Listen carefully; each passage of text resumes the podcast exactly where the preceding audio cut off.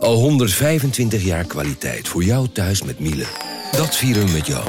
Ontvang nu tijdelijk een cashback tot 125 euro op veel Miele-apparatuur. Geniet van de kwaliteit van Miele. Voor perfect verzorgd wasgoed en kleding die veel langer mooi blijft. Voor een stralend schone vaat, even perfect als jouw diners. En een stofvrij thuis waarin echt hygiënisch schoon de standaard is. Check miele.nl voor alle feestelijke aanbiedingen. Ik ben al jaren ondernemer, maar waar moet ik eigenlijk allemaal aan denken nu ik voor het eerst personeel wil aannemen, voor het eerst ga importeren of voor het eerst een bedrijfslocatie zoek? Weet wat je wel of niet moet doen bij zaken die je voor het eerst oppakt. Check kvk.nl voor praktische stappenplannen. KVK, hou vast voor ondernemers.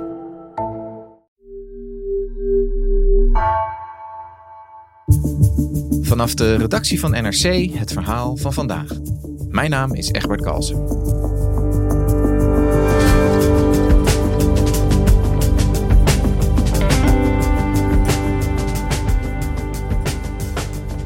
Scheuren in de muren, verzakkingen van de fundering of geknapte waterleidingen.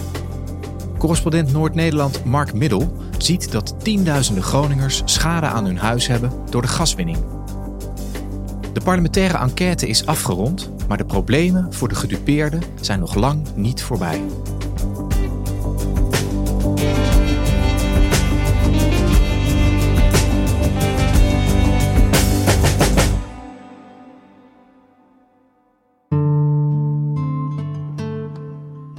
Afgelopen vrijdag was ik in Zeerijp. Dat is een dorpje in Groningen. En daar in de boerderij De Dieken werd de presentatie gehouden van het eindrapport van de parlementaire enquête naar de Groningse gaswinning. Het is nu even na elf en ik ben in eh, De Dieken in Zeerijp. En het stroomt al aardig vol met mensen. Er zijn heel veel Kamerleden aanwezig. Er zijn ook genodigden. Nou, we gaan het zo afwachten. Om 12 uur is de presentatie van de parlementaire enquêtecommissie. Na twee jaar onderzoek en uh, eh, 69 openbare verhoren kwam dan eindelijk het eindrapport. En dat was bijna 2000 pagina's. Wij kregen het ochtends al heel erg vroeg in de ochtend en uh, onder embargo en mochten het alvast gaan lezen. En ja, schrokken eigenlijk best wel van de conclusies. Want dat rapport was vrij hard, vernietigend, in hele klare taal. Goedemiddag, beste mensen. De belangen van Groningers zijn structureel genegeerd. De gaswinning was voor de staat en de oliemaatschappijen zo succesvol en lucratief dat er amper oog was voor de lange termijnrisico's en alsmaar groeiende signalen over nadelige effecten. En die conclusies kwamen best wel hard binnen. Mensen op de eerste rij, voornamelijk de bewoners en de mensen die al jaren betrokken zijn, die hadden tranen in ogen, uh, werd gehuild, omdat de conclusie was: wij zijn jaren voor gek verklaard, maar zo gek waren we eigenlijk helemaal niet. We hadden gewoon al die tijd gelijk. De gevolgen voor de Groningers kunnen alleen getypeerd worden als rampzalig. Mark, een, uh, een heftig rapport. Welke conclusies stonden erin? Nou, het eigenlijk het allerbelangrijkste wat erin stond is dat een jarenlang ongekend systeemfalen heeft plaatsgevonden door opeenvolgende kabinetten. Dus dat begint eigenlijk al bij Rutte 1 en dat is tot op de dag van vandaag is dat nog steeds aan de hand. En de olie- en gasbedrijven, dus dan hebben we het over de Nederlandse aardoliemaatschappij die het gas eh, uit Groningen uit de grond haalt. Uh, maar ook de twee eh, moederbedrijven Shell en ExxonMobil. En die opeenvolgende kabinetten en die oliebedrijven, die hebben jarenlang, dus eigenlijk 60 jaar lang, die gaswinning heeft plaatsgevonden, hebben zij uh, geld verkozen boven de veiligheidsbelangen van de Groningers. Pas als de toezichthouder, de rechter en belangenorganisaties afdwingen dat er geluisterd moet worden, komen de staat en oliemaatschappijen langzaam in actie. Zo langzaam dat de gaswinning in Groningen uitgelopen is op een ongekend systeemfalen waarbij deze publieke en private partijen hun zorgplichten ernstig hebben verzaakt en beslissers zijn te lang weggebleven van verantwoordelijkheden en risico's. En wat ik misschien nog wel het meest opvallend vond, is dat daar opgeschreven werd dat het soms uh, onbedoeld gebeurde, maar dat het ook regelmatig bewust gebeurde. En dat dat ook tot op de dag van vandaag plaatsvindt. Ja, ja, jij zei al dat de mensen die daar bij die presentatie aanwezig waren ook echt het gevoel hadden van zie je wel, wij zijn niet gek geweest. Wat, wat, wat gaat dit nou betekenen zeg maar, voor die Groningers, zo'n rapport? Wat doet dat met hen dat dit er nu ligt? Nou, wat heel belangrijk is, is dat er nu eindelijk erkenning is. Kijk, heel veel mensen zeiden van um, het is heel goed, het is positief, het is fijn dat dit rapport er is. eindelijk staat het zwart op wit. Maar het had ook niet anders gekund. Ze hadden ook geen andere woorden kunnen gebruiken. Want dit is precies hoe het is gegaan. Maar zij zien het dus als een erkenning zeg maar, van hoe het gegaan is. Maar zien ze het ook echt als een, als een sluitstuk of misschien als een soort nieuw begin? Zeg maar, vanaf nu kunnen we dan weer verder? Nee, dit is zeker geen nieuw begin. Dit is juist een soort van. En het is ook, ook absoluut geen slotstuk, want dit gaat nog jarenlang door. Kijk, ik loop hier nu uh, vier jaar lang in Groningen rond. En het wordt eigenlijk elk jaar slechter. En die aardbevingen die gaan nog door. We weten nog niet hoe lang, maar waarschijnlijk tientallen jaren. Dat betekent dat er nog tientallen jaren schade zal komen aan huizen. Dat betekent dat er ook nog duizenden huizen zijn die onveilig zijn. Maar het gaat erom dat er voor heel veel mensen op dit moment uh, het nog steeds misgaat. En die hebben dan vrijdag die presentatie gezien en die zitten s'avonds weer in een huis dat niet veilig is. Die zitten s'avonds weer met een brief of iets van een of andere overheidsinstitutie die zegt van ja, u moet toch nog even een paar maanden wachten, want we zijn nog niet klaar met het uh, inspecteren van uw huis. En dat probleem is met dit rapport niet opgelost. En dat weten de Groningers. En dat frustreert ze enorm.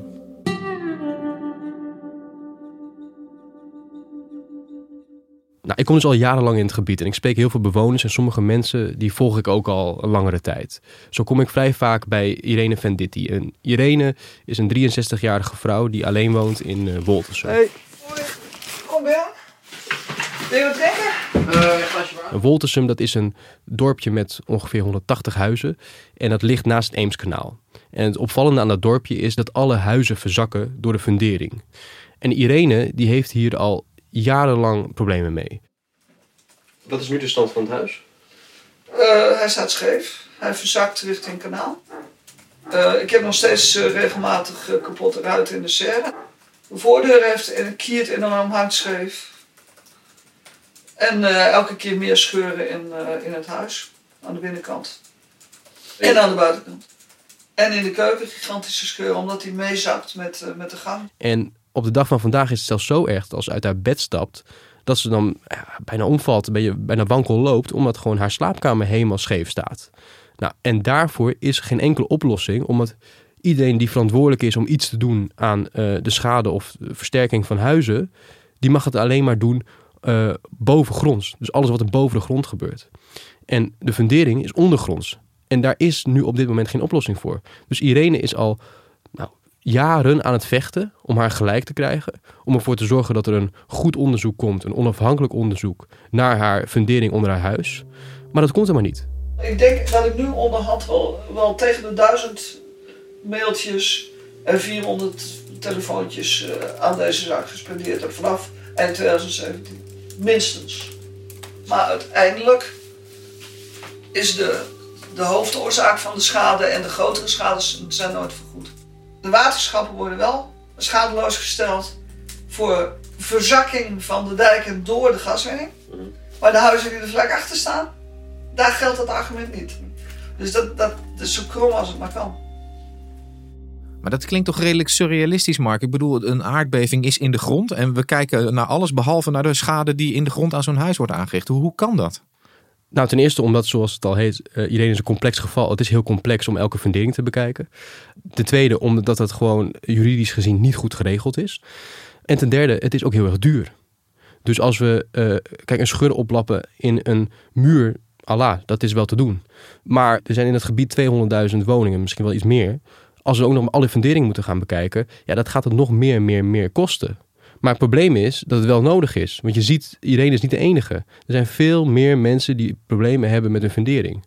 En dat wordt tot op de dag van vandaag niet opgelost. Uh, al die ellende met dat huis en steeds maar geen erkenning krijgen en dat eindeloze gevecht. Wat, wat doet dat met iemand als Irene? Hoe is dat voor haar? Je merkt dat Irene er eigenlijk heel erg boos van wordt. Um, en toen ik haar sprak, toen nou, barstte ze eigenlijk uit in tranen. En ze zei dat het zijn geen tranen van verdriet. Ik ben voornamelijk boos, ik ben niet verdrietig, ik ben woedend. Ik ben echt woedend. Ja. Kijk, ze is ooit in Woltersum komen wonen samen met haar vriendin. Het is een heel klein arbeiderswoningje, heel knus. En ze heeft het helemaal opgeknapt in de afgelopen jaren. Maar toen in uh, eh, 2016, toen overleed haar vriendin. En toen stond ze er helemaal alleen voor. En toen moest ze dus ook die strijd helemaal alleen gaan voeren.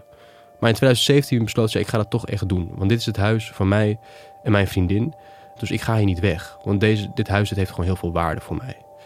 uiteindelijk is ze dus vijf jaar lang van rechter naar rechter en van hoorzitting naar hoorzitting gegaan. En nog steeds heeft ze geen oplossing voor die fundering.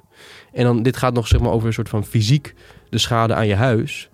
Maar je moet dus over nadenken wat het ook mentaal met je doet. Je bent alleen, je woont daar alleen. Uh, je hebt geen geld voor hele dure advocaten, dus je moet het ook allemaal alleen doen.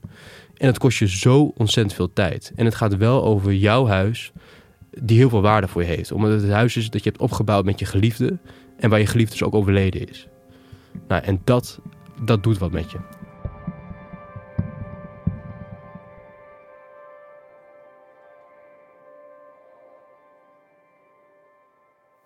En Mark, jij zei net, uh, er zijn honderden van uh, dit soort gevallen, gevallen als, als Irene. Wat heb jij nog meer gezien de afgelopen jaren? Ben jij nog meer mensen tegengekomen die ook, ook van dit soort verhalen hebben? Nou ja, een van de mensen die ik ook al langere tijd volg is melkveehouder Leon Klein. Die is daar ongeveer 20 jaar geleden komen wonen. Uh, in Godlinze heet het.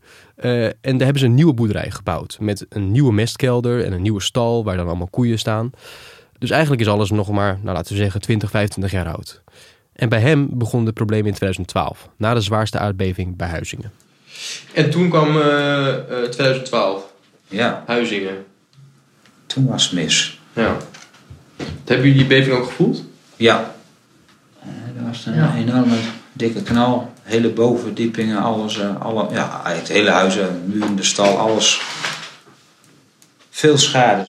In eerste instantie was er schade aan het huis en dat werd vrij snel opgelost. Maar er was eigenlijk een veel groter probleem, want er zaten allemaal scheuren in zijn mestkelder. En hij zag aan die muren dat er gewoon stront en grondwater en allemaal prut, die kwam uit die muren lopen. En elke week, maand, jaar werd het erger en erger en erger. En dat is een probleem, want er kunnen twee dingen gebeuren. Namelijk of uh, door die scheuren stort die mestkelder in, waardoor de koeien die daarboven lopen dus ook in die mestkelder donderen. Of uh, dat water raakt alle elektronica. En dat gebeurt al. Hij heeft al heel vaak kortsluiting. En hij is bang dat zijn, daardoor zijn stal ooit een keer uh, in de hens vliegt. En in het begin was er eigenlijk helemaal geen discussie. Het was volgens de NAM duidelijk, dit is aardbevingsschade. Dus de NAM die kwam elke twee jaar langs en die ging die scheuren in die mestkelder, die gingen ze gewoon dichtkitten. Nou, en na twee jaar gingen ze weer open, kwam de NAM weer langs. Die zei van nou, kit het weer dicht. Nou, en zo ging dat de hele tijd heen en weer. Toen begon die schades weer uh, te verergeren. Die, die, dat, kit die los natuurlijk en, en, die, en die scheuren begonnen opnieuw te lekken, zeg maar. Ja. Dus dan hebben we weer aan de bel getrokken. Maar op een gegeven moment werd de NAM uit het proces gehaald. Want de NAM is de gaswinner. Uh, dus is degene die eigenlijk de problemen veroorzaakt in Groningen. En daarvan zei de overheid en ook heel veel Groningers zei dat is eigenlijk heel raar dat zij ook de schade moeten oplossen. Dus die werd uit het proces gehaald en de overheid die werd nu verantwoordelijk voor de afhandeling van de schade. En in principe ging het daardoor wel beter dan hoe het onder de NAM ging. Maar voor Leon niet. Want opeens ging de overheid naar die scheuren kijken en die zei van ja, meneer Klein, u heeft uh, verkeerd gebouwd. Meneer Klein, uh, dit is geen aardbevingsschade. Meneer Klein, uh, het klopt niet wat u zegt. Nou, totdat het rapport komt, zeg maar. En dan zak je broek helemaal naar beneden. Want? Nou, allemaal dingen, beweringen wat niet waar is. En dan is het opeens geen aardbevingsschade meer. Dan bent het opeens allemaal krimpscheuren. Ja, ja. En dat wij niet goed gebouwd hebben. En, en allemaal, alle onzin wordt boven water getoverd, zeg maar. Terwijl toen hij hier was, zei van uh, het komt goed. Ja, ja. En dan schrijft hij in hetzelfde rapport schrijft hij dat het krimpscheuren zijn. Juist. En dan denk ik van, uh, hoe kan dit? Ja. Hoe is dit mogelijk? Ja. En nu is hij dus jarenlang aan het procederen tegen een overheid. Terwijl hij juist had gehoopt dat die overheid, die de bewoners moet beschermen, hem zou helpen. En dat gebeurt dus niet. Ja, dat, dat voelt ook echt alsof die man totaal van het kastje naar de muur is gestuurd de afgelopen tien jaar. Hoe kan dat nou allemaal zo ontzettend mis zijn gegaan? Als je dat rapport leest, wat is dan de kern van het probleem wat jou betreft? Volgens mij zijn er twee problemen in Groningen aan de hand. Ten eerste is dat alles gejuridificeerd wordt. Dus dat betekent dat er een soort van insteek is vanuit de overheid. Van we willen liever um, dat elke schade die we vergoeden helemaal precies klopt dan dat we straks te veel geld gaan uitgeven en dat mensen dus ten onrechte uh, iets vergoed krijgen waar ze eigenlijk geen recht op hebben.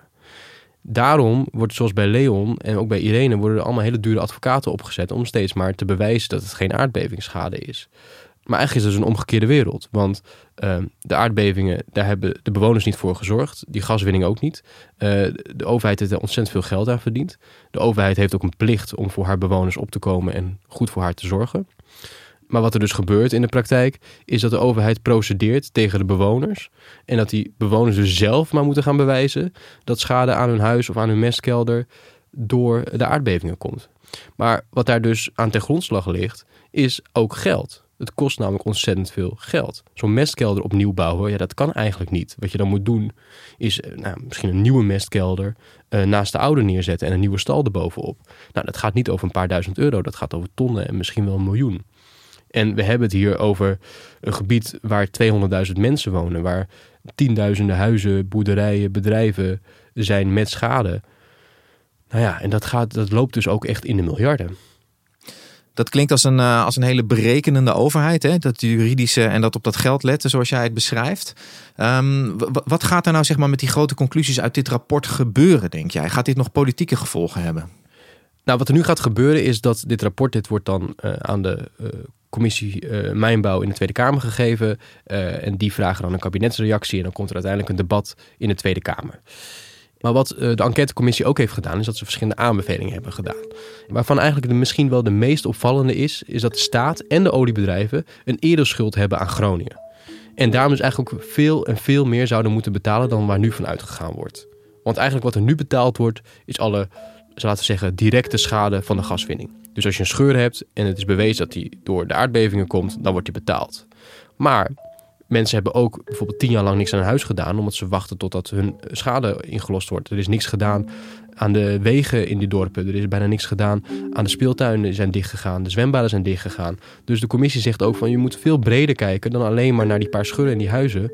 Want het leven van mensen heeft de afgelopen jaren stilgestaan. Zowel de staat, die 360 miljard euro heeft verdiend uh, aan de gaswinning, als aan de oliebedrijven, die meer dan 60 miljard euro hebben verdiend aan die gaswinning.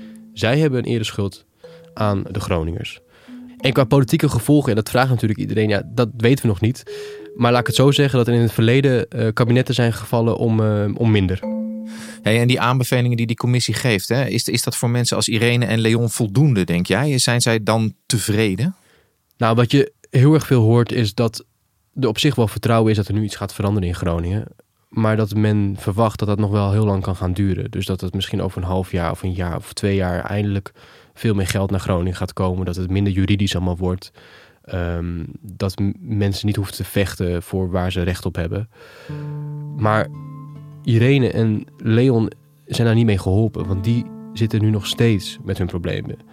Elke dag als Irene wakker wordt, dan staat haar slaapkamervoer nog steeds scheef. En nou, valt ze bijna om, bij wijze van spreken. En elke zaterdagochtend uh, gaat Leon met het hele gezin die gangen rondom die mestkelder leegpompen, omdat het water weer enkel hoog staat.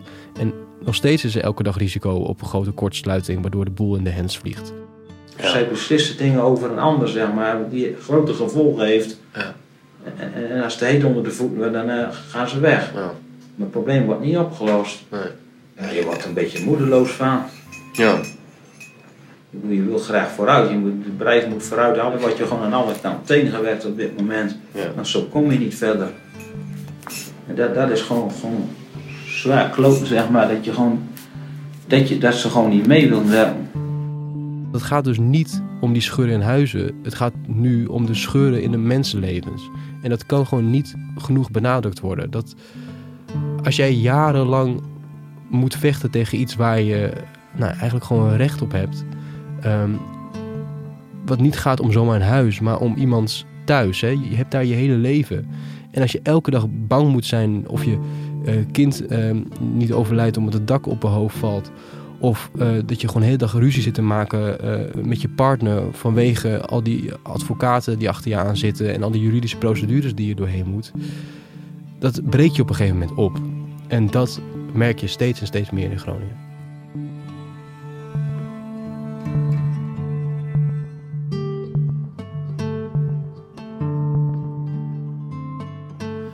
Dankjewel, Mark. Graag gedaan.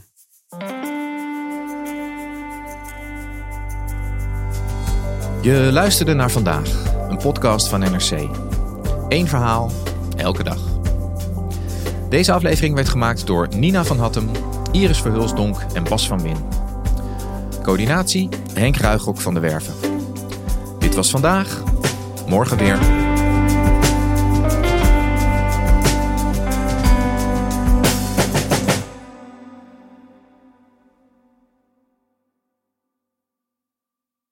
Technologie lijkt tegenwoordig het antwoord op iedere uitdaging.